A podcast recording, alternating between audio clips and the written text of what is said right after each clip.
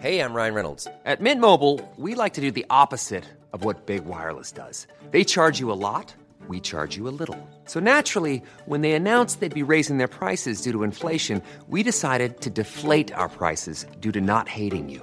That's right. We're cutting the price of Mint Unlimited from $30 a month to just $15 a month. Give it a try at mintmobile.com slash switch. $45 upfront for three months plus taxes and fees. Promo rate for new customers for limited time. Unlimited more than 40 gigabytes per month. Slows. Full terms at mintmobile.com.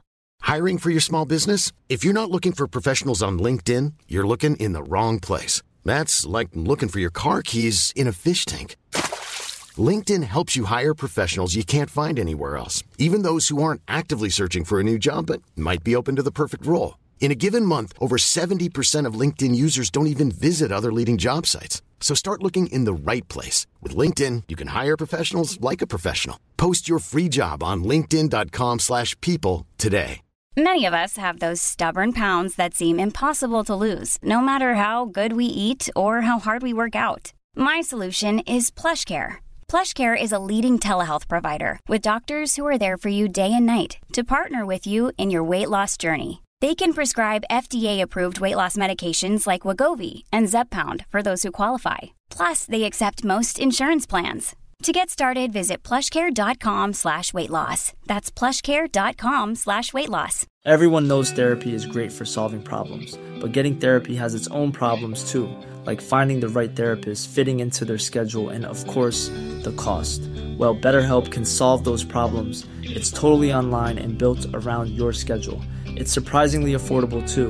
Connect with a credentialed therapist by phone, video, or online chat, all from the comfort of your home.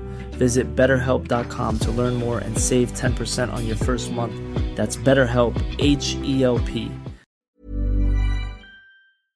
I'm amazed how many people own stocks. They, they would not be able to tell you why they own. They couldn't say in a minute or less why they own. Actually, you really press them down, they'd say, the reason I own this is the sucker's going up. There's enough cash in the financial system, and there's an infinite amount of cash at the Federal Reserve, an infinite amount Put of cash. Put that check in a money market mutual fund. Then we'll reinvest the earnings into foreign currency accounts with compounding interest, and it's gone. So they had to do something. All they had left was just to print money and start buying things. And that's what they did. Quick buck artists come and go with every bull market, but the steady players make it through the bear market.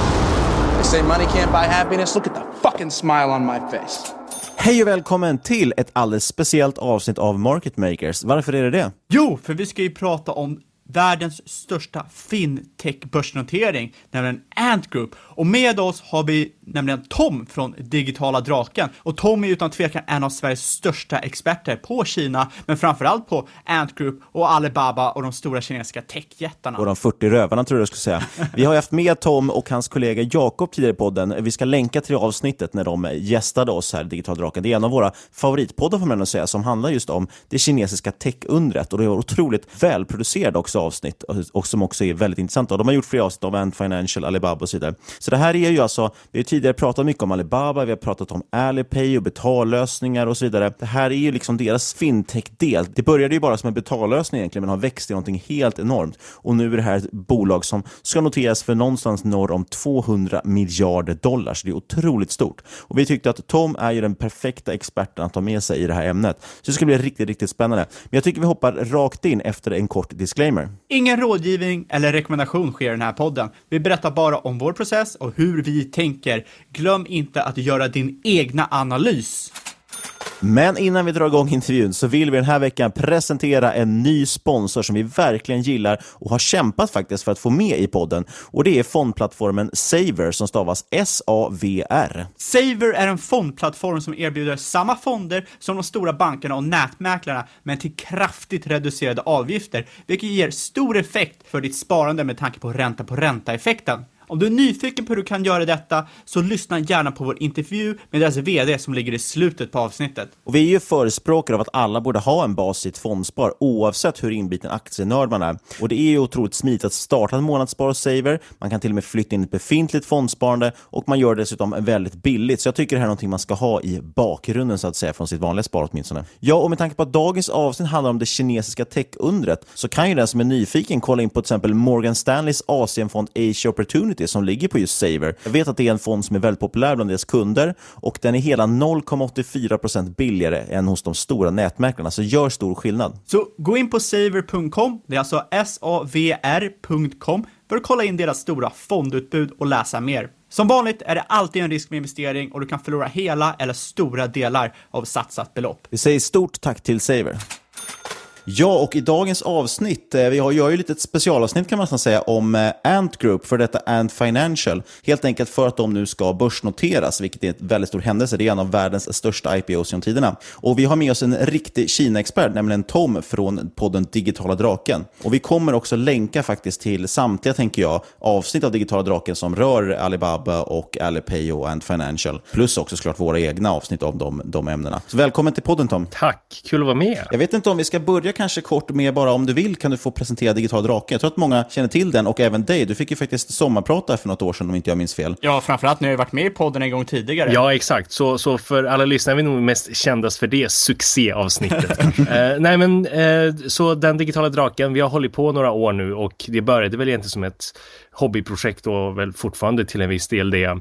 Där vi egentligen pratar om digitaliseringstrenden från Kina och Anledningen till att vi tycker att det är intressant är ju för att inom vissa områden, e-handel bland annat och fintech ett annat, så sker det världsledande in innovation där borta. Och vi ser ju mer och mer nu att de utvecklas så pass snabbt och det är så stor skala så det är ganska mycket saker som inspirerar saker här i väst. Och det är väl därför vi täcker området. Och, och, och sen på senare år så har vi liksom, vi var lite, lite sporadiska med, med, avsnitt, inte lika disciplinerade som er. Eh, vi brukar köra lite längre format, lite mer storytelling. Och under förra året så har vi också testat en, en engelsk podd faktiskt. Eh, men, men hoppas väl skärpa till oss och just nu håller vi på med med två eller tre TikTok-avsnitt faktiskt. Intressant. Mm. TikTok är ju bland de intressantare sociala medierna just nu. Det är ju faktiskt så, ByteDance är ju en av de högst värderade startupsen i Kina, men det är de som äger TikTok, alltså, de enda som egentligen är större är ju Ant Group faktiskt. Ja, men Niklas, du sa, nämnde ju Ant Group, och då kan vi direkt eh, ställa frågan, vad är det som är så intressant med Ant Group? Varför ska man notera deras börsnotering, så att säga? Jag tycker att Ant är intressant av två stora skäl egentligen. Det ena superstort techbolag och det är alltid intressant för det är så himla kul när man ser de här nya börsnoteringarna och man verkligen får insyn i siffrorna och hur de här funkar. Men ur ett annat perspektiv handlar det om att det här är det mest välutvecklade fintechbolaget globalt. De har en sån sjuk djup business i nästan alla delar av fintech och för mig är det här egentligen liksom eh, det man ska kopiera här i väst. Det, och om vi någonsin ska värdera den potentiella framtiden för Klarna eller något annat fintechbolag här i väst så tycker jag att man ska titta på Ant. Och, och det tycker jag är nog det mest intressanta, att man kan liksom lära sig därifrån och kanske se in i framtiden lite tack vare dem. Jag, jag håller, håller med extremt mycket. Det är, egentligen kan man ju säga att det är det ultimata fintechbolaget, för det är verkligen det är ju en mashup mellan till exempel, ja, som du säger, Klarna och sen tar du Stripe och Paypal och Apple Pay och alla de här äh, fintechbolagen, oavsett om det är lån eller spar, försäkring eller betalning, och bara slänger ihop de här i en enda gryta. Och då får du ju lite Ant Group och äh, deras business. Och det finns ju inte någon riktigt så här superfinans eller fintechbolag här i väst. Nej, och det där är väl lätt att man tror att det bara är Alipay. Alipay har ju vi pratat mycket om tidigare. Det är ju helt enkelt egentligen, det är Kinas största betalningsapp och, och man, man processerade senaste året betalningar för 17 biljoner dollar i Kina. Så det är en alltså egentligen världens största betaltransaktörer, eller vad säger man, processerare. Eh, man kan jämföra med Visa, deras volym låg på 8,8 biljoner dollar, så att det är man alltså mer än dubbelt så stora som Visa. Man har till och med en större egentligen betalningsvolym man har hand om än hela Kinas BNP. Så det här är ett jätte, jättestort nätverk, men ändå är ju det bara liksom en del av, eh, av Ant Group egentligen. Tycker ni att vi ska börja i historiedelen? Liksom, vad kommer egentligen Ant Group för? Hur sitter det ihop med Alibaba? Nej, men historien med Ant börjar egentligen som egentligen de flesta stora techbolag vi ser från Kina nu. Eh, för de växte upp under en period då det knappt fanns liksom, internet eller infrastruktur kring digitala affärsmodeller. Eh, och enda anledningen till att Ant Group existerar är för att föregångaren Alipay startades av Alibaba och det gjorde man för att man startade en e-handel. Men det fanns inga sätt att ta betalt på internet och man var tvungen att hitta en escrow-tjänst för att kunderna inte litade på varandra. För det här med internet var nytt och e-handel var nytt. Så man skapade escrow-tjänst eh, och sen så blev det mobilbetalning och, på den vägen är det.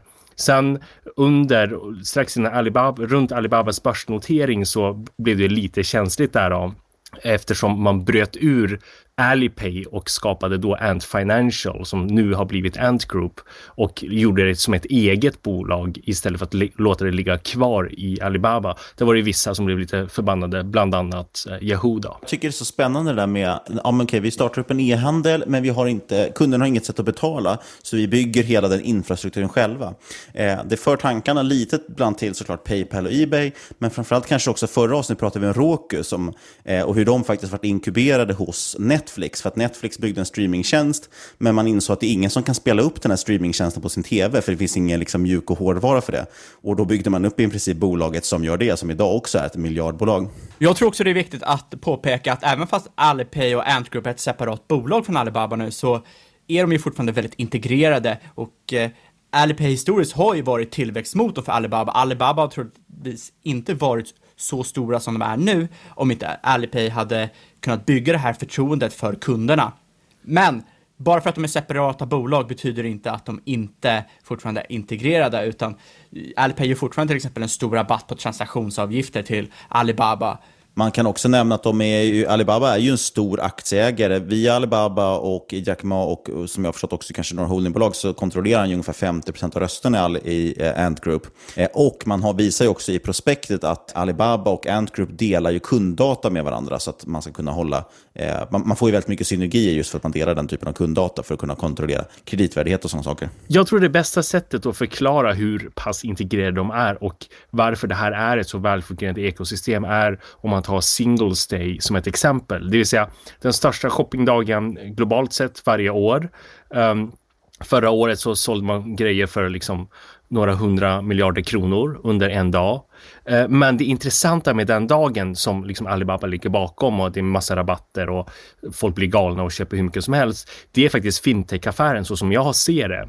Ehm, och bara för att dra några nyckeltal här så om du kollar på vad som händer inför den dagen så är det att Eh, först så reachar ju Alibaba ut till alla sina, som de som säljer på plattformen och säger så här, nu kommer single stage, du måste bygga lager. Eh, vare sig, säg att du säljer ett par hörlurar. Och det intressanta är ju att det är väldigt många liksom, mindre fabriker och mindre varumärken som säljer hörlurar den dagen. Så de säger ju egentligen liksom, jag har inte råd att bygga lager. Inga problem. För de har ju hela tiden Ant Financial som kan ge småföretagarlån. När det är dags för faktiskt shoppingdagen så utfärdar de konsumentkrediter för att folk ska kunna shoppa allt de vill under den dagen. Samtidigt som de använder hela sin försäkringsaffär eh, och liksom faktiskt ha dynamiska försäkringsprodukter direkt i köpflödet i Alibabas appar när du ska betala för att försäkra dig mot till exempel liksom att hörlurarna ska paja.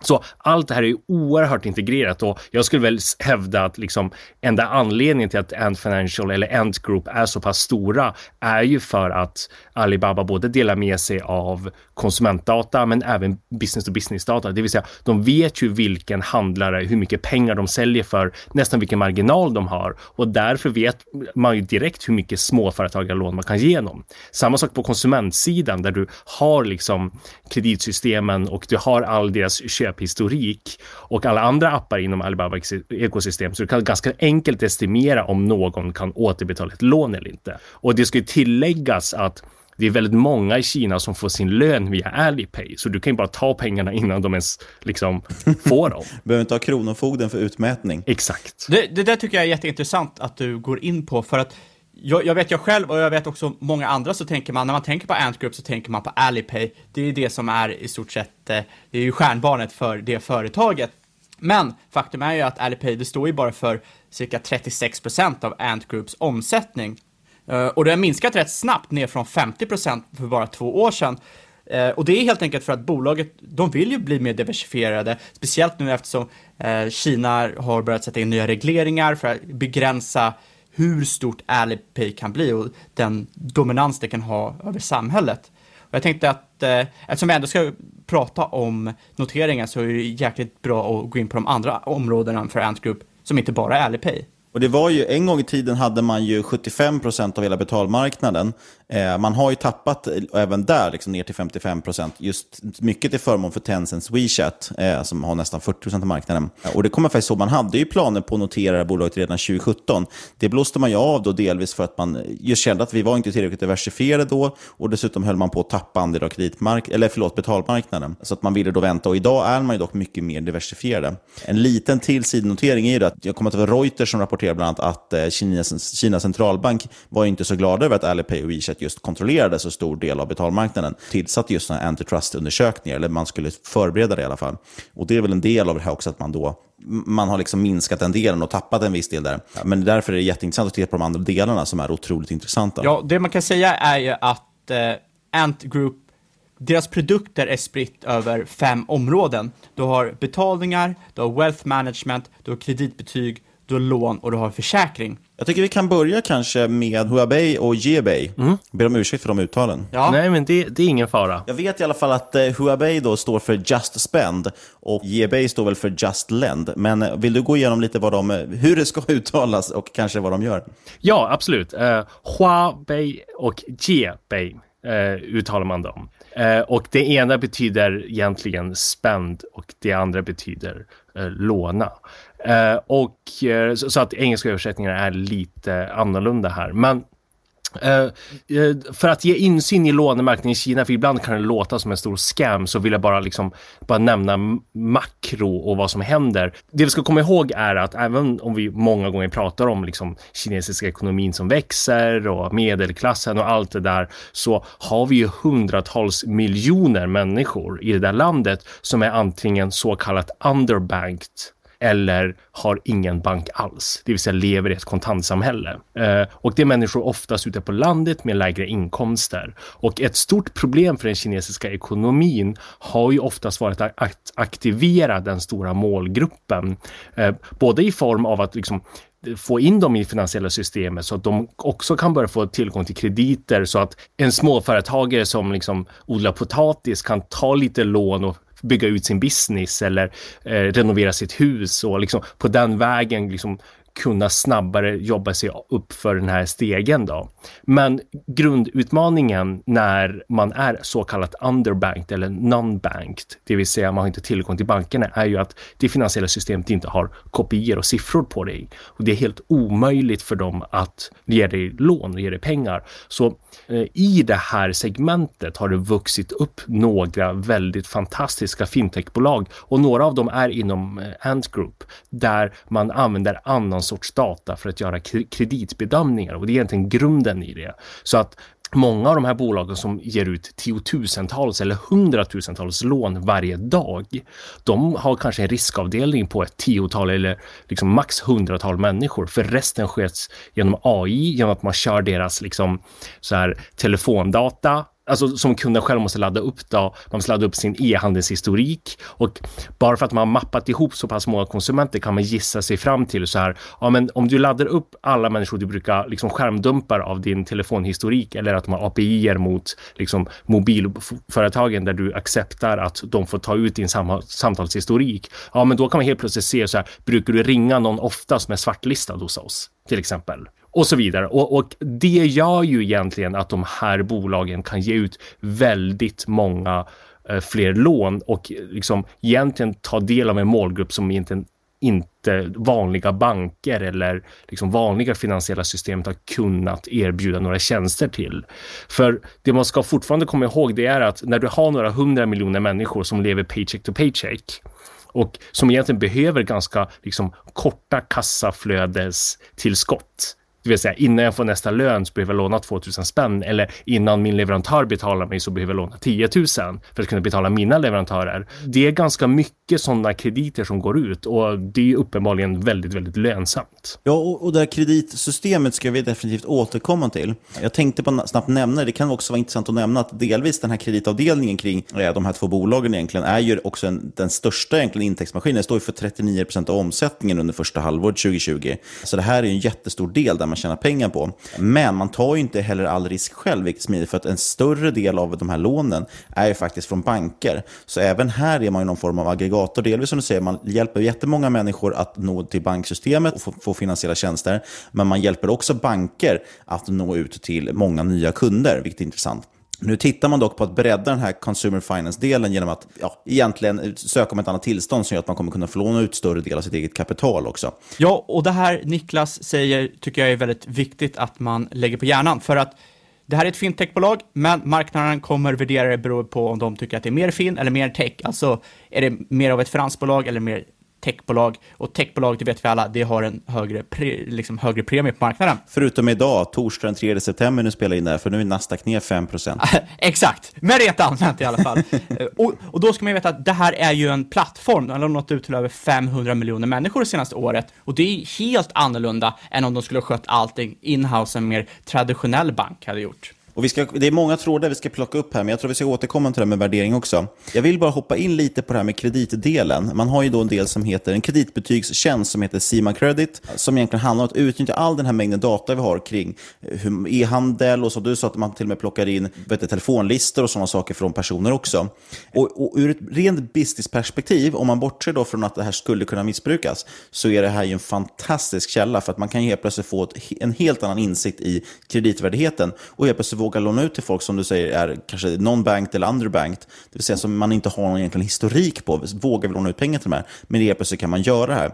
Eh, och det blir en jättevinst för såklart Ant Group som står emellan, det blir en jättevinst för Alibaba och alla deras försäljare, det blir en jättevinst för de här bankerna som delar ut lån. Och såklart en vinst för de personerna som får lån. Det finns ju också massa spännande liksom, specialvarianter på det, här, att man har till och med kunnat använda de här kredittjänsterna för mer saker, till att få tillgång till biluthyrning, boka hotellrum, till och med någonting jag läste om att man kunde slippa ansökan om visum för vissa länder, typ som Singapore, Luxemburg och sådär. Mm. Men vi måste ändå, vi kan inte ducka liksom elefanten i rummet här och det är egentligen, hur ska man se på det här kreditsystemet, Tom? Kring just det, det har skrivits extremt mycket om det i media också, som både målar upp 1984 och vissa som bara pratar om, om det fantastiska affärsbiten. Hur tycker du man ska se på det här, de här kreditbetygssystemen? Jag, jag tycker faktiskt att det var extremt otaktiskt av Ant att inte fatta liksom den västerländska marknaden. För, för att egentligen de där kreditsystem som har rapporterats om, du vet, som är 1984, allt det, det har ingenting med det här kreditsystemet att göra. De råkar bara båda kalla det för credit scoring.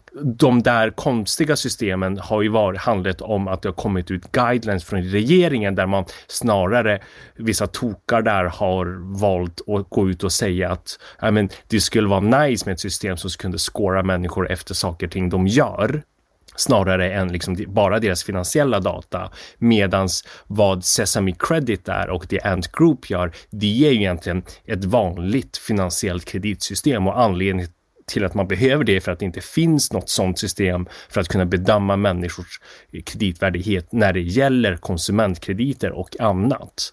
Eh, och jag tycker personligen att de borde byta, ord, byta namn på det, men, men liksom, det är min åsikt. Och bara för att gå igenom skillnaderna det, det vad Ant har är ju någonting som faktiskt existerar idag baserat på din finansiella historik, baserat på en massa andra datapunkter och så som har du betalat av din kreditkortsskuld i tid och massa annat så får du en score och hur mycket du spenderar och bla bla bla.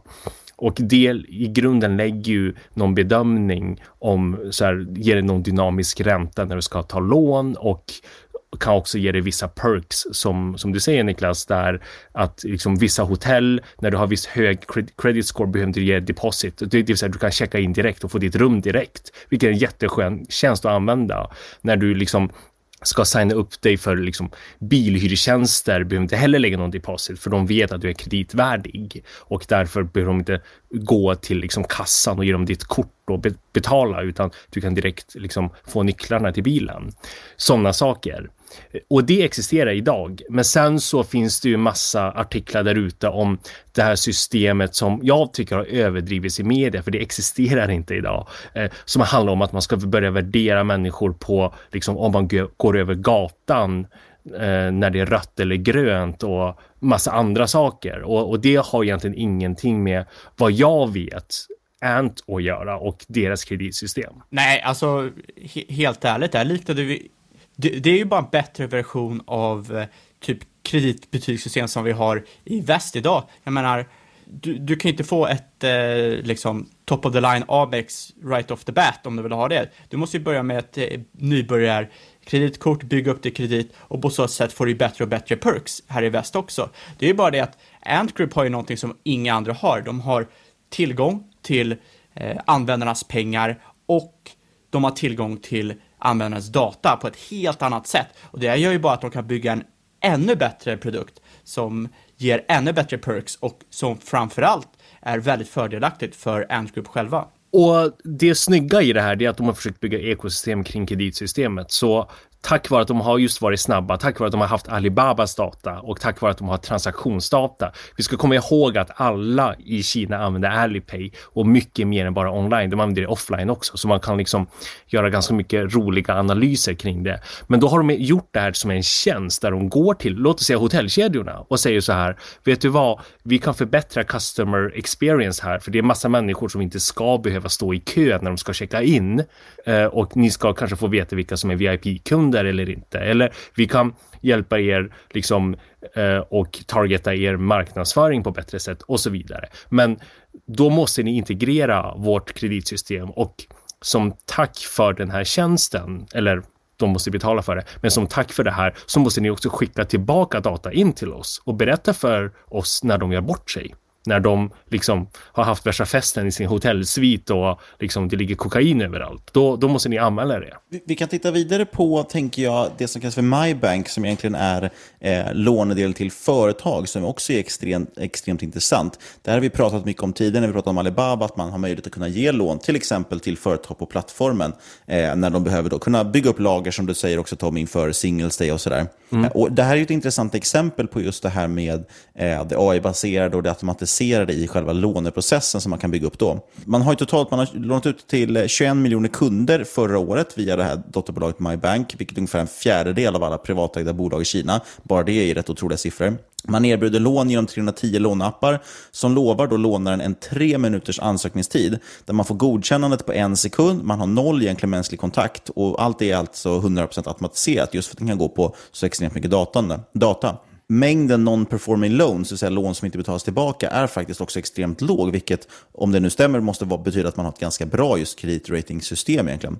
Eh, historiskt har den här non-performing loans-delen legat på 1%, vilket är betydligt lägre än branschsnittet på 3%. Eh, som sagt, verkligen ett tydligt exempel på kraften bakom data. Verkligen, och visar ju på hur kraftigt det här ekosystemet de har byggt upp, hur väl det fungerar och hur de lyckas integrera datan in i alla områden. Ja, och det man ska komma ihåg här, det är ju att liksom hela banksystemet i Kina, förutom MyBank och några till, men liksom så här, de stora bankerna i Kina, de är statsägda. Och eh, deras tjänsteerbjudande mot antingen privatkonsumenter eller framförallt småföretagare är ju liksom sämre än vad vi här i Sverige. Och jag tycker att det är ganska dåligt i Sverige när det gäller det. Eh, och, men det är så fruktansvärt dåligt. Så de har ju verkligen hittat en så, så här untapped market. Jag känner faktiskt till och med flera startup-grundare som har använt Mindbank för att liksom eh, låna upp lite pengar för att kunna betala löner för att man väntar på att någon kund ska betala. Liksom. Och det är jättevanligt och det tar ju liksom noll sekunder som ni säger. Man bara går in i appen, man har sin score och så bara trycker man och så bara får man pengarna direkt. Och det här är ju häftigt, så, så länge det funkar förstås. Det är ju en extrem fara i att, att dela ut lån som inte betalas av. Finns ju faktiskt ett sånt extremt behov av just av likviditet i bolag. Det ska man inte glömma, speciellt kanske nystartade bolag också. Det är lätt att tänka just med krediter att det bara handlar om lån och lån för konsumtion för, för dåliga grejer och sådär. Men det är faktiskt en jättestor viktig del också av det finansiella systemet för att det ska funka och ge tillväxt. Och vi kan ta ett annat svenskt exempel, iSettle som indirekt är börsnoterade nu. Eh, och en av deras stora grejer de gjorde innan de blev uppköpta var ju att börja titta på att ge ut lån till alla deras handlare som använder deras system för att de har så pass mycket data och mycket betalningar som processas och därför liksom i teorin ska kunna bedöma huruvida man kan ge ut lån eller inte till deras handlare. För det vi ska, inte ska glömma bort är att kinesiska ekonomin lika mycket som den amerikanska och den europeiska är ju faktiskt byggt på småföretagare. Det är den här kiosken runt hörnet, det är den här personen som som sagt odlar sin potatis eller liksom det är den här frisörsalongen. Det är det som är, bygger ekonomin och eh, historiskt sett har ju det traditionella finansiella systemet varit, varit väldigt dåliga på att kunna liksom ge dem tillräckligt bra tjänsteutbud bara för att det är för komplicerat och låna dem pengar, speciellt ur ett liksom, kortsiktigt kassaflödesperspektiv. Och många av de här bolagen, deras största utmaning är ju kassaflöde och inte huruvida att de är som välmående bolag över ett år. Men det är bara den här månaden så råkar jag ha lite otur och liksom jag glömde skicka faktura. Nu får inte jag pengarna och så kan inte betala löner. Hur ska jag lösa det? Och, och det här är så intressant, och, och, speciellt om man tänker på just det som vi har pratat lite om tidigare i podden med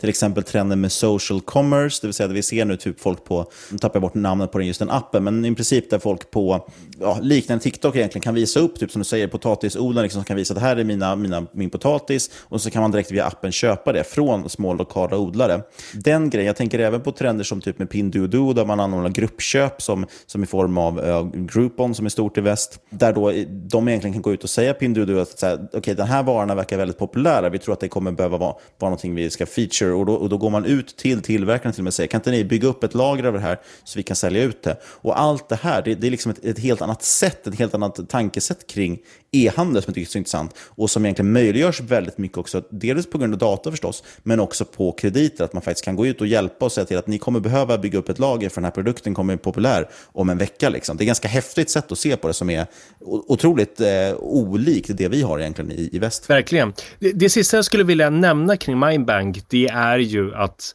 framtidspotentialen från mitt perspektiv är ganska lågt för just den här affärsdelen.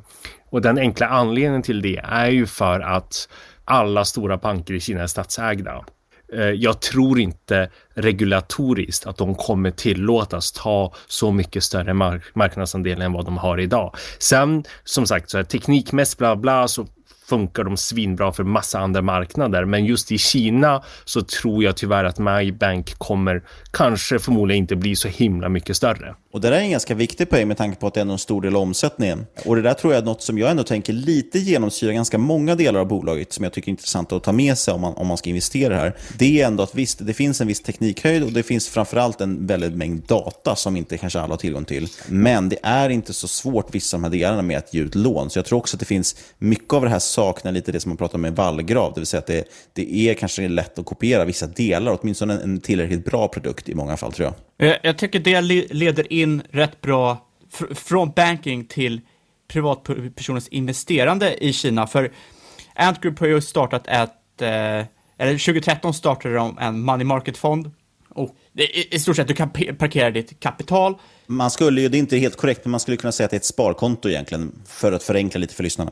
Exakt. Eh, du kan få ränta på ditt kapital och det som var liksom, det stora med den här fonden var att de erbjöd 5% ränta jämfört med konkurrenter som endast erbjöd 2,75% ränta. Och det här gjorde ju att eh, alla liksom la in sina pengar in i fonden och de fick snart 173 miljarder dollar i tillgångar och är en av de största money market-fonderna i världen. Men nu har det kommit lite regleringar i Kina. Du eh, eh, ser att eh, regleringar till exempel mot eh, den mängd tillgångar under management som en fond får ha, vilken ränta de får ha. Och, eh, framförallt begränsar de hur mycket individer får investera i en fond. Sen har man ju också sett att eh, de har, Antgroup har öppnat upp för tredje parter att eh, komma in och erbjuda sina fonder på plattformen. Till exempel såg man att amerikanska Invesco öppnade upp en fond som från mars i år har växt 300 400 gånger storleken bara för att det är så många privatpersoner som har öst in pengar där. Och efter den här långa ranten så frågar jag, hur ser privatpersoners möjlighet till investerande ut i Kina? Nej men äh, egentligen väldigt bra äh, och jag tror alltså en av de största anledningarna till, till, att det har varit så himla många limits, alltså, det, det, det, är två stora anledningar. Det ena, man har inte haft egna starka Eh, börser i Kina och det kommer vi se nu att Shanghai-börsen, den går på ganska bra och Hongkong-börsen går ganska bra och det kommer, och Shenzhen har egen eh, och nu när man får in, speciellt när man får in Ant Group på Shanghai och Hongkong-börsen så exklusivt då eh, så kommer det växa till sig ganska, ganska ordentligt. Och den andra anledningen har ju varit att det har varit otroligt många chefer på statsägda banker som bara totalt fick panik när de såg bara pengarna flöda ut ur systemet till ett privat bolag som Ant som helt plötsligt gjorde en så himla mycket bättre produkt än vad de någonsin trodde att de kunde göra själva. Eh, och på sikt så tror jag att det här kommer normaliseras något. Eh, men eh, om vi ser igenom hela historiken för Ant så tror jag att allting började egentligen med att de bara skapade egna tjänster.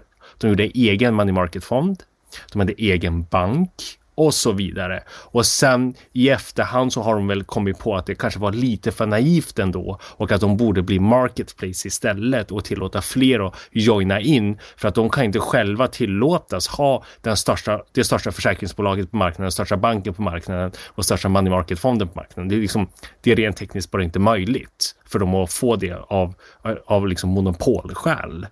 Eh, så framåt så tror jag att det kommer vara ganska bra för så länge de hittar en affärsmodell i att kunna liksom trada på att ge oss vår ge oss, tack vare vår data, tack vare våra tekniska capabilities, tack vare att vi kan effektivisera processen, så ska du som extern money market-fond betala ett visst arvode till oss för att vi fördelar ut pengar till er.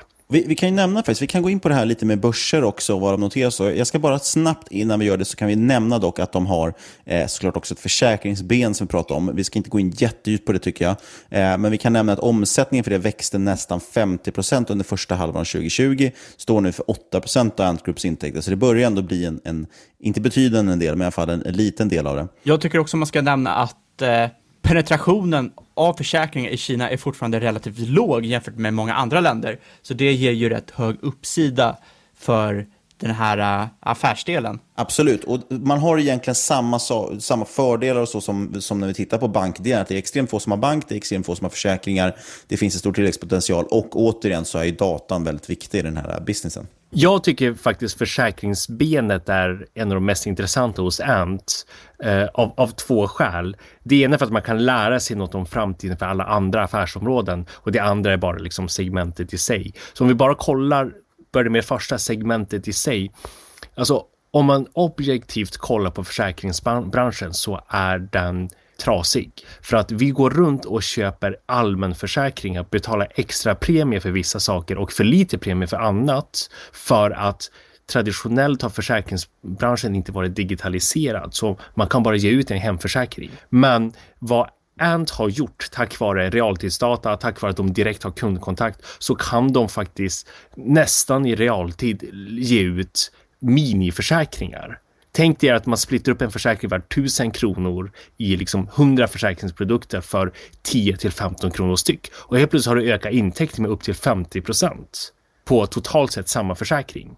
Så istället för att jag ska försäkra mig mot alla mina liksom prylar och ha en drulleförsäkring på det. Varför kan inte jag bara få en drulleförsäkring på den här telefonen jag köper nu? Eh, när jag köper en iPhone för 10 000 är inte jag villig att betala 10 kronor eller 20 eller 30 spänn för en drulleförsäkring beroende på telefonmodell och vem jag som konsument är. Och det tycker jag är superintressant när vi börjar liksom applicera på massa olika områden. Och, och historiskt, ja, visst, alltså, vissa sådana produkter har ju funnits här i väst också. Det betyder att de där sakerna är egentligen inte digitala produkter, vilket gör att man fortfarande ur ett liksom, försäkrings perspektiv sätter ut en normaliserad produkt. Medans i det här fallet så kan man ju faktiskt komma på liksom extrema så airpod-försäkringar i realtid nästan. Det är det ena. Och, och det andra med, med, med just försäkringsaffären så tycker jag så om vi kollar historiskt eh, vad som hände med den så tror jag att det är en ganska bra lärdom. Det är att när Ant började med försäkringar så insåg man att man inte kunde försäkringsmarknaden. Så man ringde några av de största försäkringsbolagen i Kina och sa kan inte vi starta en försäkrings, ett försäkringsbolag tillsammans, ett digitalt försäkringsbolag tillsammans och bara och, och, vi driver trafiken liksom, för vi har människor som vill ha försäkring. Men vi startade tillsammans. Vi kommer med AI, ni kommer med försäkringskunskap, men vi återförsäljer alla försäkringar åt er, så vi tar ut en liten fee för det. Du vet. Men ni kommer tjäna de stora pengarna för ni, det är ni som utfärdar försäkringarna. Och de första åren gick det jättebra. Men sen på slutet när Ant hade lärt sig hur försäkringen funkar, i och med att de fortfarande är de enda som har konsumentkontakt, så bara höjde de priserna så pass mycket så all lönsamhet för de här försäkringsaktörerna försvann. Förut, de fick behålla en liten, liten del för att fortsätta hålla på med det. Men Ant tog majoriteten av intäkterna för att de bara höjde sin så, så här, för att leverera trafik och leverera försäkringar. Och anledningen till att jag nämner det är för att jag tycker att det är ganska intressant take på money market-fonderna vi har pratat om innan och massa andra produkter som de har, att de verkligen opererar som Amazon i form av ett marketplace och de är inte rädda för att liksom maximera sina intäkter. Ja, precis, och det, det, där är ju alltid faran med att vara ett monopol, eller inte faran för det bolaget, men utan faran för deras leverantörer. Det är samma som det har rapporterats otaliga gånger om till exempel med Amazon, att när de upptäcker att en produkt säljer väldigt bra, eh, då kan de ibland gå in och sälja exakt samma produkt och tillverka, ta fram den själva istället och sälja den till ett lägre pris, alltså konkurrera ut sina egna leverantörer. Mm. Jag tänkte vi skulle gå kring till det här med noteringen och nämna här just med de här börserna som du säger. För att det är ju ett stort gissel. Det har ju många svenska investerare upptäckt när de till exempel ska investera i Tencent att den går inte att hitta någonstans. Just för att det är noterat antingen Hongkong och ibland till och med på Shanghai-börsen. Och Shanghai-börsen går ju inte ens att nå som utländsk investerare i princip. I alla fall kan man glömma det som, som svensk privatsparare. Hongkong är lite lättare. Där går det ju att ringa telefonorder. Vi har ju även DeGiro som är en, en tjänst som funkar väldigt smidigt för att nå den billigare. Men sen finns det ju då ibland då folk som tar fram instrument till exempel Avanza tog ju fram en tracker för Tencent så man ska kunna följa det aktiepriset. Och sådär. Eh, men det är väldigt intressant vart de landar någonstans, för de kommer nämligen landa, eh, spegelnoteras både i Hongkong och eh, på Shanghai-börsen. Då. Och Det här är ju superintressant, för det hade varit väldigt rimligt att tro att de skulle landa i USA på Nasdaq, precis som Alibaba gjorde och många andra techbolag, Tencent Music bland annat. Man tror dock att det här beror på, eller det beror egentligen på att det är delvis på grund av ökade spänningar mellan USA och Kina, men framförallt att de här ökade spänningarna har lett till att man också skärpt regelefterlevnad och revisionskrav för bo kinesiska bolag som ska listas i USA. Jag kan inte på något sätt påstå att jag kan det här regelverket eller har läst igenom skillnad om det, är, om det är så att man har gjort onödigt hårda, hårda krav på kinesiska bolag. Mycket av det här kommer ifrån till exempel den här filmen China Hustle som visades på, på Netflix och sådär. Och det har helt enkelt varit flera bedrägerier där man då på olika sätt har lurat amerikanska amerikanska investerare, vilket gjort att man har höjt kraven på kinesiska bolag som ska noteras i USA. Eh, man hade väldigt låga krav förut. Jag tycker ändå det är någonting att man ska, det här är ju, tror jag i alla fall, om det inte är så att det är onödigt hårda krav för att liksom prove a point från, från Trumps håll. Men jag tror annars att man ska hålla, dra öronen lite åt sig för det här. För att jag har sett till exempel bolag som C-Trip, den här kinesiska resebyrån som vi pratat om tidigare. Eh, de avnoterar sig ju nu på grund av just de här hårdare kraven. Och vi ser också generellt en trend att, att fler IPOer nu går mot Hongkong som spegelnotering istället för Nasdaq. Eh, det är någonting jag tycker ändå man ska ha i beaktning och tänka lite på. Fråga sig varför väljer de att, att eh, lista sig i Hongkong istället för Nasdaq? Finns det någon, någonting skumt här bakom eller inte? Och nu försöker jag inte insinuera att det finns det i just Ant Group, men det är en, det är en väldigt intressant allmän poäng om Kina-USA-debatten tycker jag. Nej, men det, det, som har hänt har ju strax innan det här var ju att Alibaba till exempel gjorde en, en dual listing i Hongkong nu. Och grunden bakom det här ligger ju i regleringar i USA där man från politikernas håll sagt tydligt att man eventuellt kommer att slänga ut alla kinesiska bolag från börsen.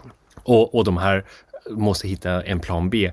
Parallellt eh, som har hänt med i Asien har ju varit att Kina har velat bygga upp mycket starkare inhemsk ekonomi. Bara fram till en viss period sen så tillät ju inte Hongkong eh, Eh, så, alltså olika klasser på aktier, det vill säga aktier med mer rösträtt versus vanliga aktier med lägre rösträtt. Eh, så, som ett, och, och, det var därför man missade vissa börsnoteringar och den justeringen har ju Hongkongbörsen gjort nu för att kunna, just kunna attrahera eh, mycket, mycket mer lokala börsnoteringar. Och, och det sistnämnda skulle jag säga att det handlar om vilken marknad man går efter. Jag tror att många av de här asiatiska, speciellt de här kinesiska bolagen, känner av sentimentet från amerikanska investerare och speciellt liksom medelstora investerare. Eh, och eh, man tycker att det är tillräckligt mycket kapital i Asien för att man ska gå efter en börsnotering där istället och liksom aggressivt gå efter det kapitalet som ibland har svårt att nå USA.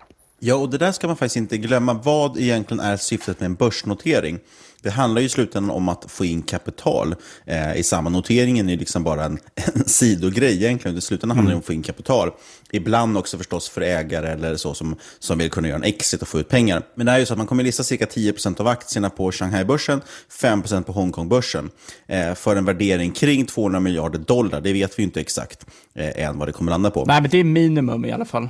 Men det där är intressant att ta Då kan man ta de här 15 procenten av det beloppet och då ser man att det här är så mycket pengar de vill ta in. Och då är det som du säger Tom, kan de få tag på de pengarna inhemskt? Ja, men då egentligen kanske det inte finns någon anledning att gå till USA. Speciellt inte nu när det finns väldigt många risker att gå dit också.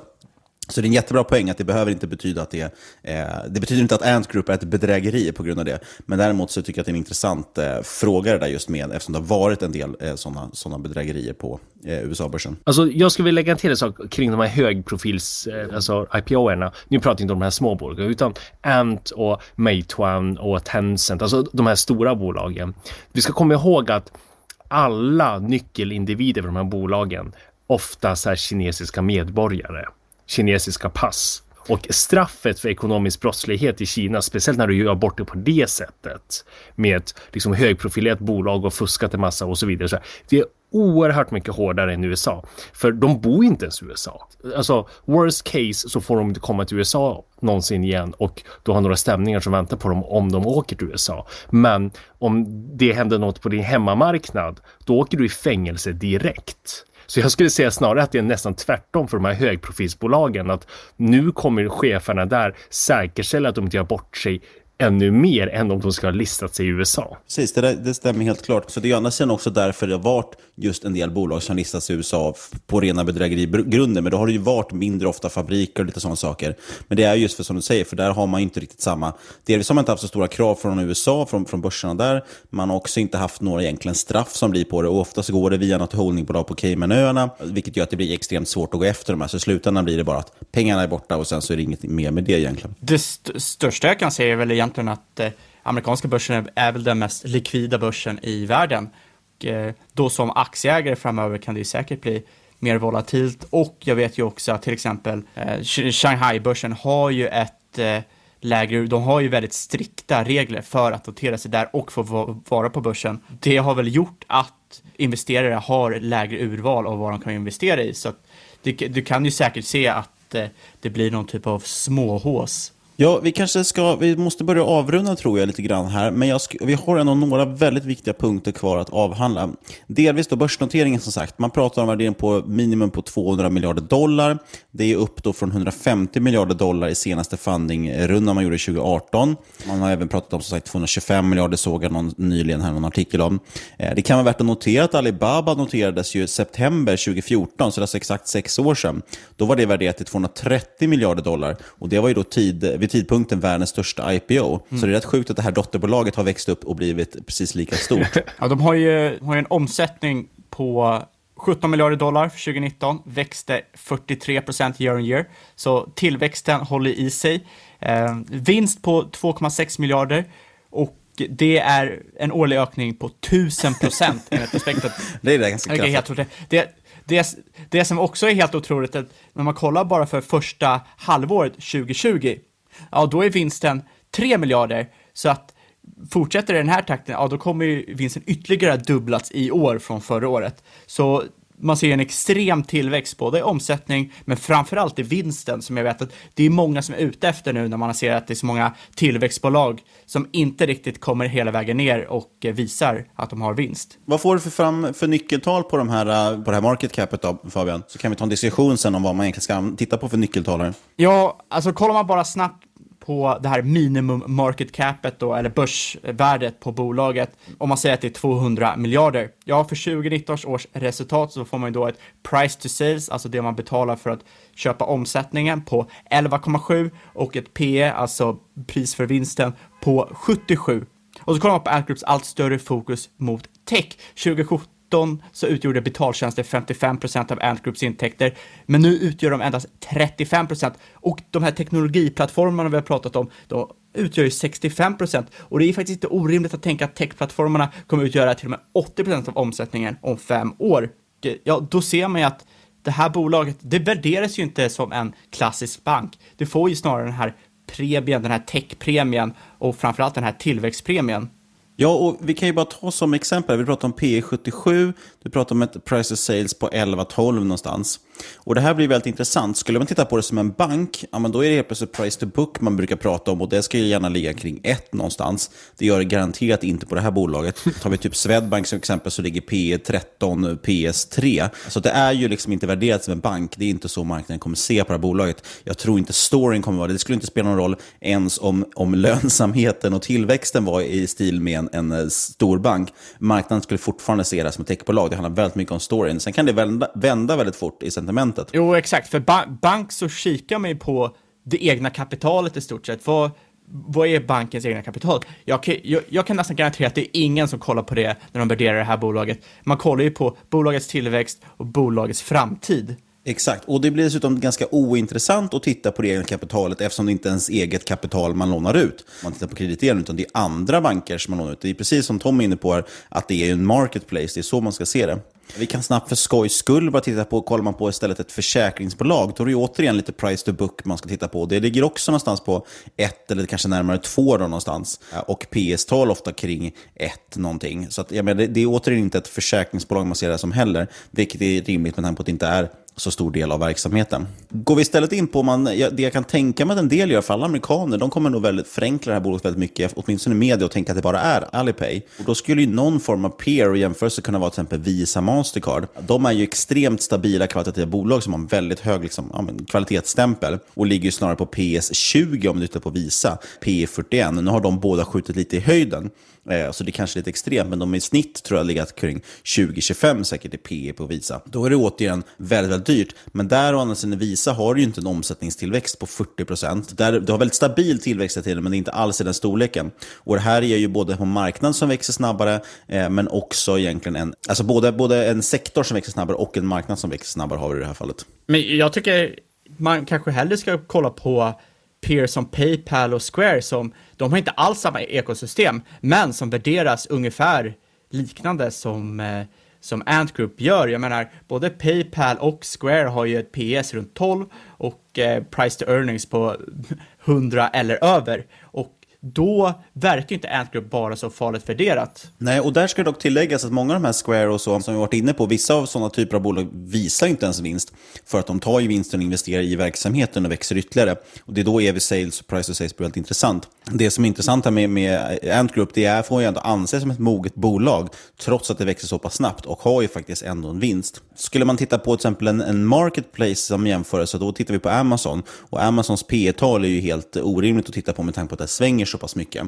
Just nu ligger det på 136. Det har ju också legat på, på helt andra nivåer till och från. För de, gör just, de håller ju på och laborerar väldigt mycket med sin vinst. Däremot har man ett price to sales på 5 ungefär. Eh, och här pratar vi faktiskt samma typ av lönsamhet. Så här. Sen växer de väldigt mycket via sin cloud-del, alltså Amazon Web Services, som är extremt lönsam. Men ja, det är lite svårt kan jag tycka att hitta eh, tydliga peers.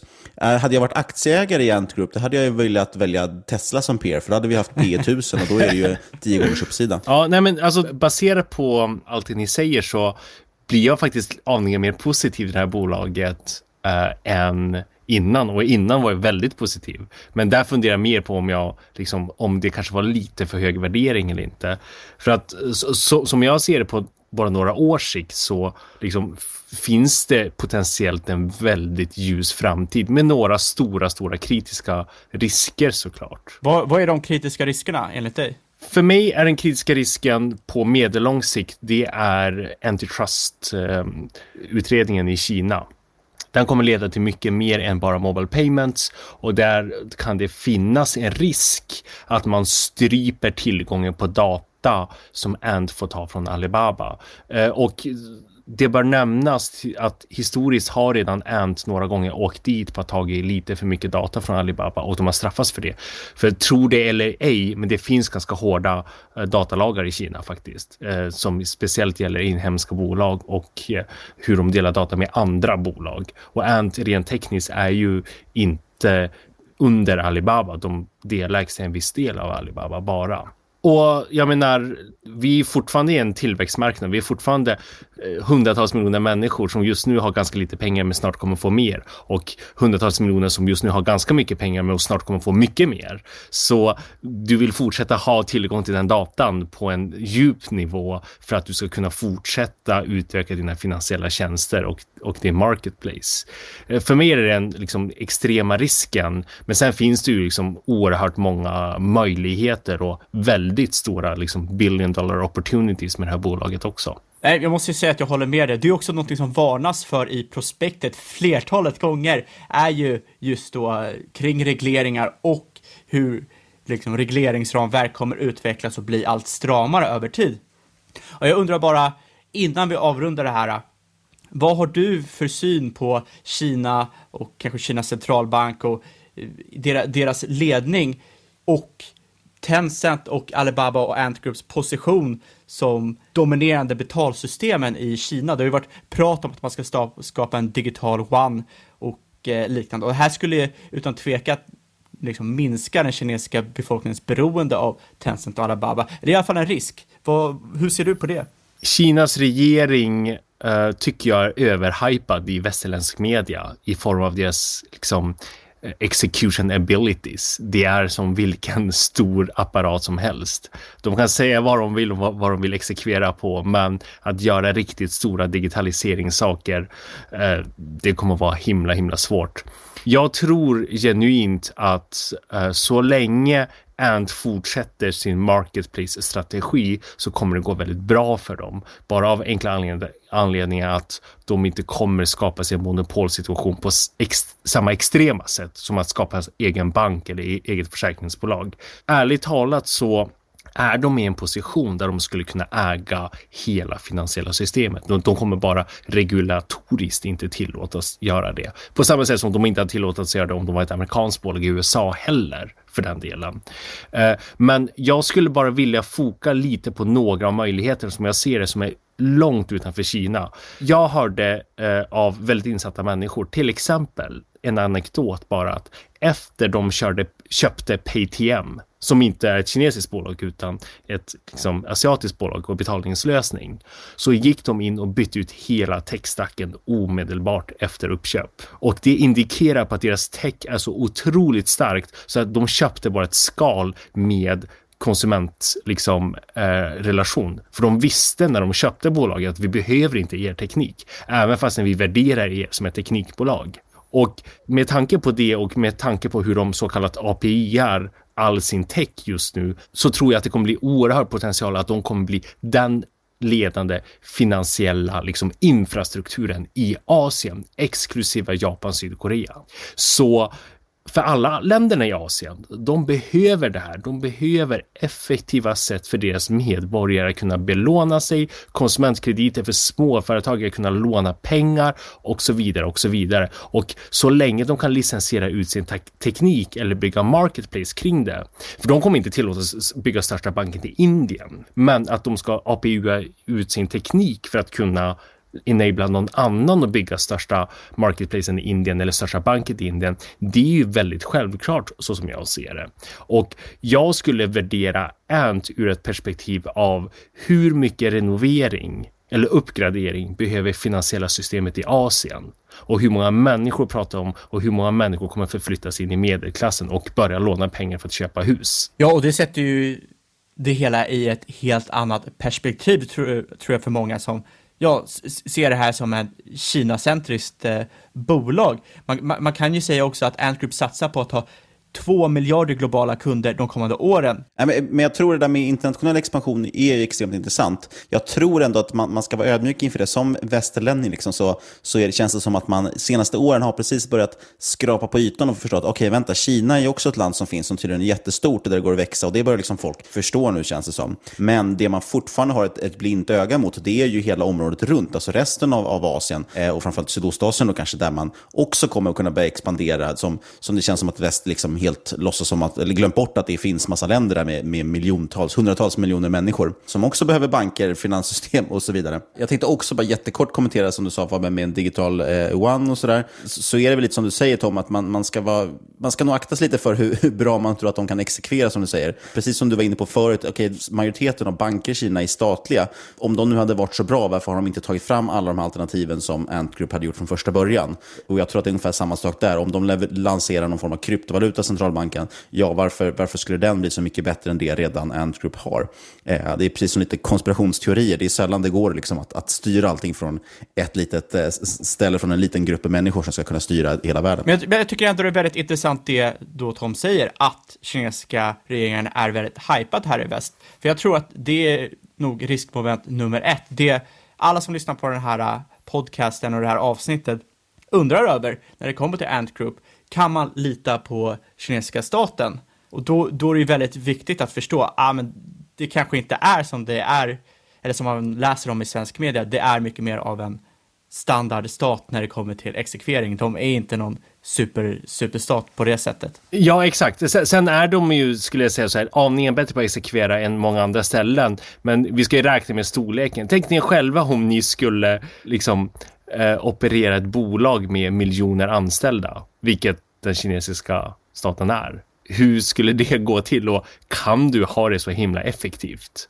Jag menar, sen när det gäller så här huvud superviktiga initiativ, någon gång så kanske du kan få till det. Men generellt så går det långsamt och det är kommittéer och det är människor som ska vara med om besluten och så vidare. Hur ska man tänka kring, liksom, om man tänker kommunistiska partiet överlag, som, som västerlänning som bara ser det som, som skrivs i media? Alltså nummer ett, det där är ju, beror ju på tid och vilken situation i den globala världen. För vare sig Kina vill eller inte så opererar man i en global värld där man tyvärr blir påverkad av saker som händer utomlands också. Men jag skulle säga några tumregler för det här är nummer ett, jag tycker ordet kommunism eller kommunistiskt oftast får en i fel tankebana för att kinesiska staten och regeringen vill en enda sak och det är behålla sin makt. Men vägen till att behålla sin makt är att göra sina medborgare åtminstone relativt nöjda. De kan inte ha för många i fattigdom. De kan inte ha människor som ska börja protestera och så för att varenda halvintellektuell människa förstår att om befolkningen reser sig och på riktigt blir förbannade, då har man ingen chans. Det spelar ingen roll hur stor man tror att man är och hur stor så kallad militär man har. Så är det bara, för det finns 1,3 miljarder människor i Kina. Och då kommer man till nästa tankebana, vilket är okej, okay, men vad behöver de göra för att behålla sin makt och vad behöver de göra för att liksom medborgarna ska vara relativt nöjda? Och det är en enkel grej, BNP-tillväxt. Det är i alla fall den världen vi opererar i idag. Vi ska komma ihåg att allting jag säger nu handlar ju bara om att konstatera faktum och hur världen funkar. Jag lägger inte in, in några personliga värderingar i detta.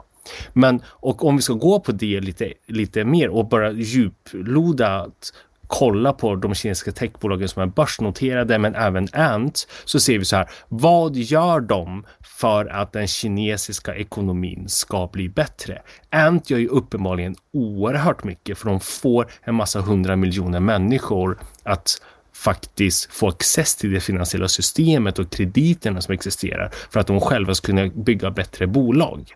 Vad gör Alibaba? Alibaba tillåter en massa människor ute på landet att sälja sina produkter.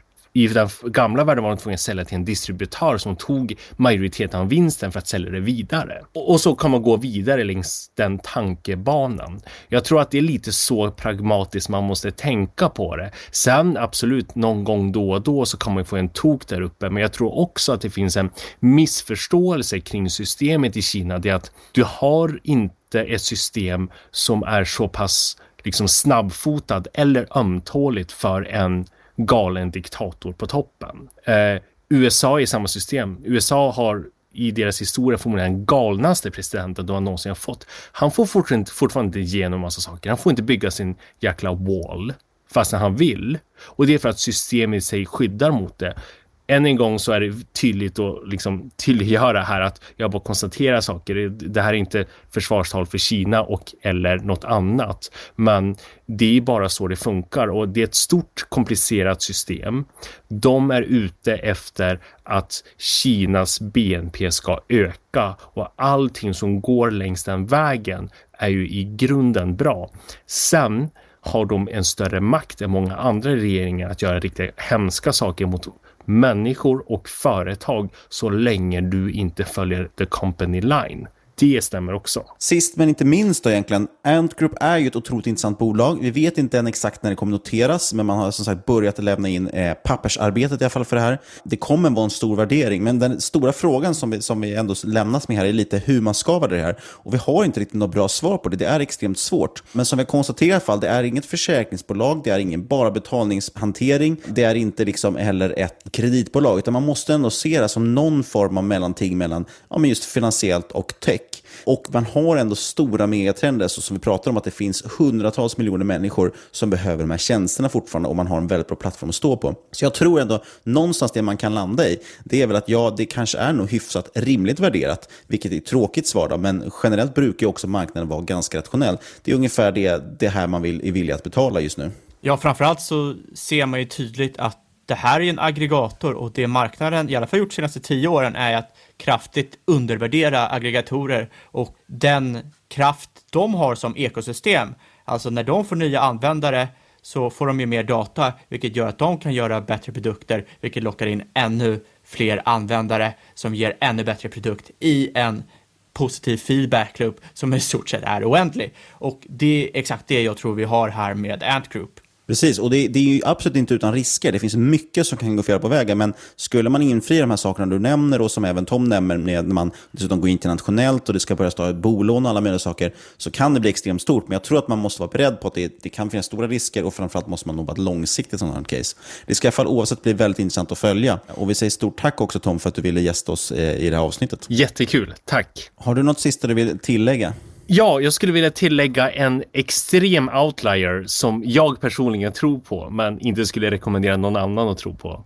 Och det är att om man använder Alipay-appen i Kina väldigt mycket, som jag tyvärr gör, så ser man hur de produktmässigt har börjat förändra sig. Förut var de egentligen typ en Klarna-liknande app, men nu har det blivit mer som en riktig liksom Yahoo-liknande app och så här, ta bort allt det negativa med Yahoo. Men nu när du öppnar Ant Financial-appen eh, eller Alipay-appen så kan du göra allting via den. De håller på att bli en riktig superapp. Du kan hyra, liksom, du kan direkt accessa och hyra cyklar via den. Då behöver du inte skapa konto för du är inne i Alipay-appen redan. Och, och då har de liksom gjort en integration så att du kan använda ditt konto där.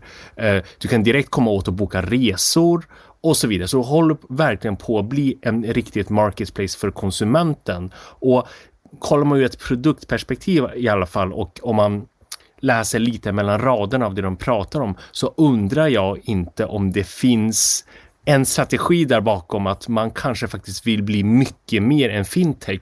För än en gång, man har idag ja, men typ strax under en miljon, ja, men 600-700 miljoner människor som öppnar deras app varje dag för att hitta till olika saker. De har bland annat Ally Health under eh, Alipay där du via dem kan explora hälsotjänster och ju mer hälsosam du är så ökar din score för det liksom sänker försäkringspremierna till exempel. Det, det där är jätteintressant och det är jätteknasigt att vi faktiskt har missat att lyfta det tidigare.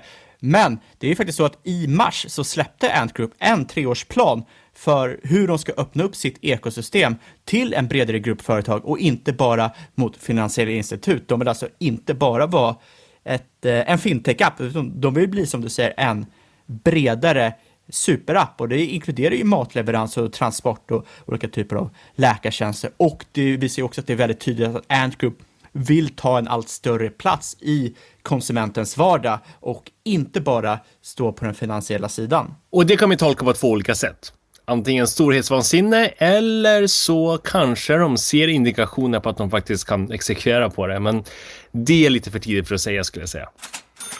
Ja, det blev ett lite abrupt slut där, för vi hade ju redan sagt tack och hej då till Tom och sen så drogs det igång en, en helt till diskussion där. Så att, eh, men det var mycket, mycket matnyttigt och ett väldigt roligt avsnitt. Eh, och vi ska ju bara påminna om det innan vi liksom lämnar, lämnar det här avsnittet därhän, är att inget av den här podcast ska ses som rådgivning och vi ger aldrig någon köp eller säljrekommendation eller någonting och speciellt inte nu när det är en IPO så att säga. Vi gör alltid din egen analys och våra gäster och eventuella sponsorer tar aldrig något ansvar för det som ser podden. Men apropå sponsorer Fabian, vad ska man titta in? Jo, man ska ju kika in in saver.com, S-A-V-R.com. Precis, det är ju Sveriges stora uppstickare inom fondspar, där det finns ett enormt fondutbud som är otroligt mycket billigare än hos konkurrenterna. Och hur man lyckas med att få ner avgifterna så otroligt mycket, det kommer ni få svar på alldeles strax. Om ni hänger kvar här efter outrot så kommer en intervju nämligen med Savers VD som jag tycker ni ska lyssna på. Och har du lite frågor om till exempel Ant Group så kontakta oss gärna på podcast at marketmakers.se eller på Twitter at marketmakers Makers podd,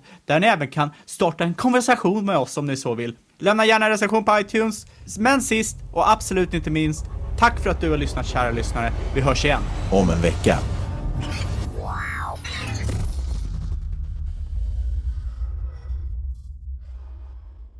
Då säger vi välkommen hit till Daniel Arenstrup, VD på Saver. Daniel, vad är Saver.com för någonting? Tack så mycket. Saver är en ny fondplattform, alltså ett alternativ till Avanza och Nordnet när det kommer till privat privatfondsparande. Och den stora skillnaden hos oss är att vi har eh, lägre fondavgifter på samma fonder. Jag tror att väldigt många av våra lyssnare är nyfikna på hur får ni till de här låga avgifterna jämfört med era konkurrenter? Fondsparande idag fungerar som så att eh, om en, eh, om en fond kostar 1,5 procent så får eh, i regel distributören eller plattformen får hälften av den avgiften i, i en kickback. Och vad vi har byggt är att vi tar den de 50 procenten av fondavgiften och ger tillbaka dem till investeraren. Och på det sättet så, eh, så halverar vi fondavgiften på de, de flesta fonder. Men jag gissar på att det här inte är välgörenhet, så vad tjänar ni pengar på? Så vad vi gör istället är att eh, vi tar en fast plattformsavgift som är på 0,09 procent, alltså 9 baspunkter.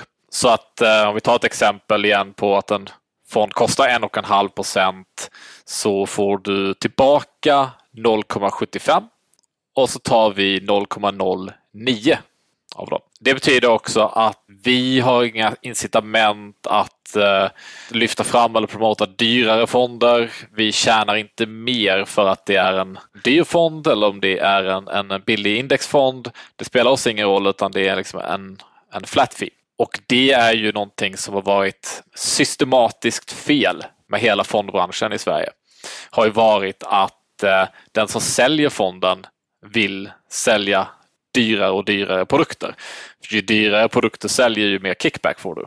Eh, och det har ju varit ett systemfel, framförallt på rådgivningssidan som, eh, som gör att rådgivare helt enkelt eh, ja, rekommenderar produkterna de får mest betalt för och inte produkterna som är bäst för kunden. Vem anser du då är idealkunden för Saver? Vem ska skaffa ett konto hos er? Det vi bygger är en, en, det är en ny investering, en ny bred investeringsplattform i Sverige. Så att vårt, eh, vårt mål är att, att eh, konkurrera med Avanza och Nordnet som en, som en sparplattform. Det som har hittats till oss till, till en början nu har varit väldigt mycket man säger, smarta, sofistikerade investerare som förstår eh, vikten av låga avgifter och de kommer i regel och flyttar in ganska mycket kapital som de har på andra plattformar. Eh, men vi ser att det börjar sprida sig till de mer eh, man säger, klassiska småspararen som även där förstår vikten av avgifter mer eller mindre. Ja, och det är ju klokt. Vi har alltid i podden förespråkat att man ska ha ett månadsspar och gärna en bas egentligen i fonder även utöver sina aktier. Då.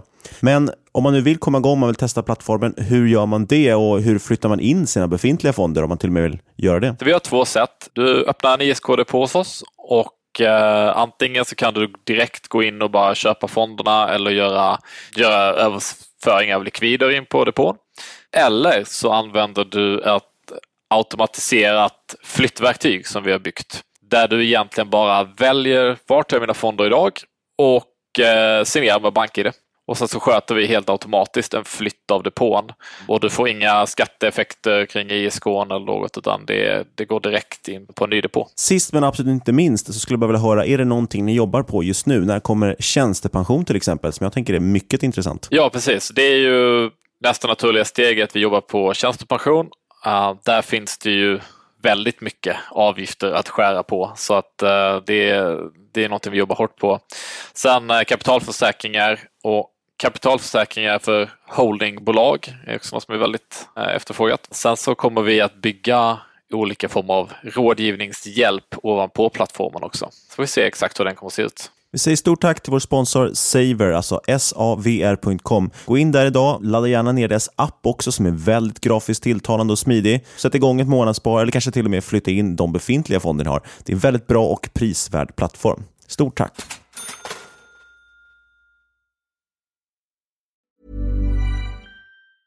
Mom deserves the best and there's no better place to shop for Mother's Day than Whole Foods Market. They're your destination for unbeatable savings, from premium gifts to show-stopping flowers and irresistible desserts. Start by saving 33% with Prime on all body care and candles. Then get a 15-stem bunch of tulips for just $9.99 each with Prime. Round out Mom's menu with festive rosé, irresistible berry chantilly cake, and more special treats. Come celebrate Mother's Day at Whole Foods Market. A lot can happen in three years, like a chatbot may be your new best friend But what won't change? Needing health insurance. United Healthcare Tri Term Medical Plans, underwritten by Golden Rule Insurance Company, offer flexible, budget friendly coverage that lasts nearly three years in some states. Learn more at uh1.com. There's never been a faster or easier way to start your weight loss journey than with PlushCare.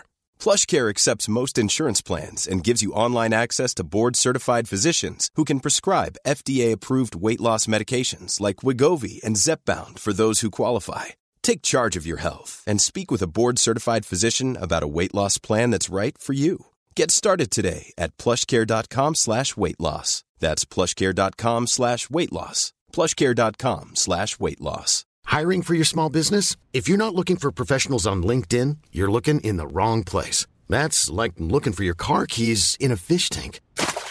LinkedIn helps you hire professionals you can't find anywhere else, even those who aren't actively searching for a new job but might be open to the perfect role. In a given month, over 70% of LinkedIn users don't even visit other leading job sites. So start looking in the right place. With LinkedIn, you can hire professionals like a professional. Post your free job on linkedin.com slash people today. Everyone knows therapy is great for solving problems. But getting therapy has its own problems too. Like finding the right therapist, fitting into their schedule, and of course, the cost. Well, BetterHelp can solve those problems. It's totally online and built around your schedule. It's surprisingly affordable too. Connect with a credentialed therapist by phone, video, or online chat, all from the comfort of your home. Visit betterhelp.com to learn more and save 10% on your first month. That's BetterHelp H E L P.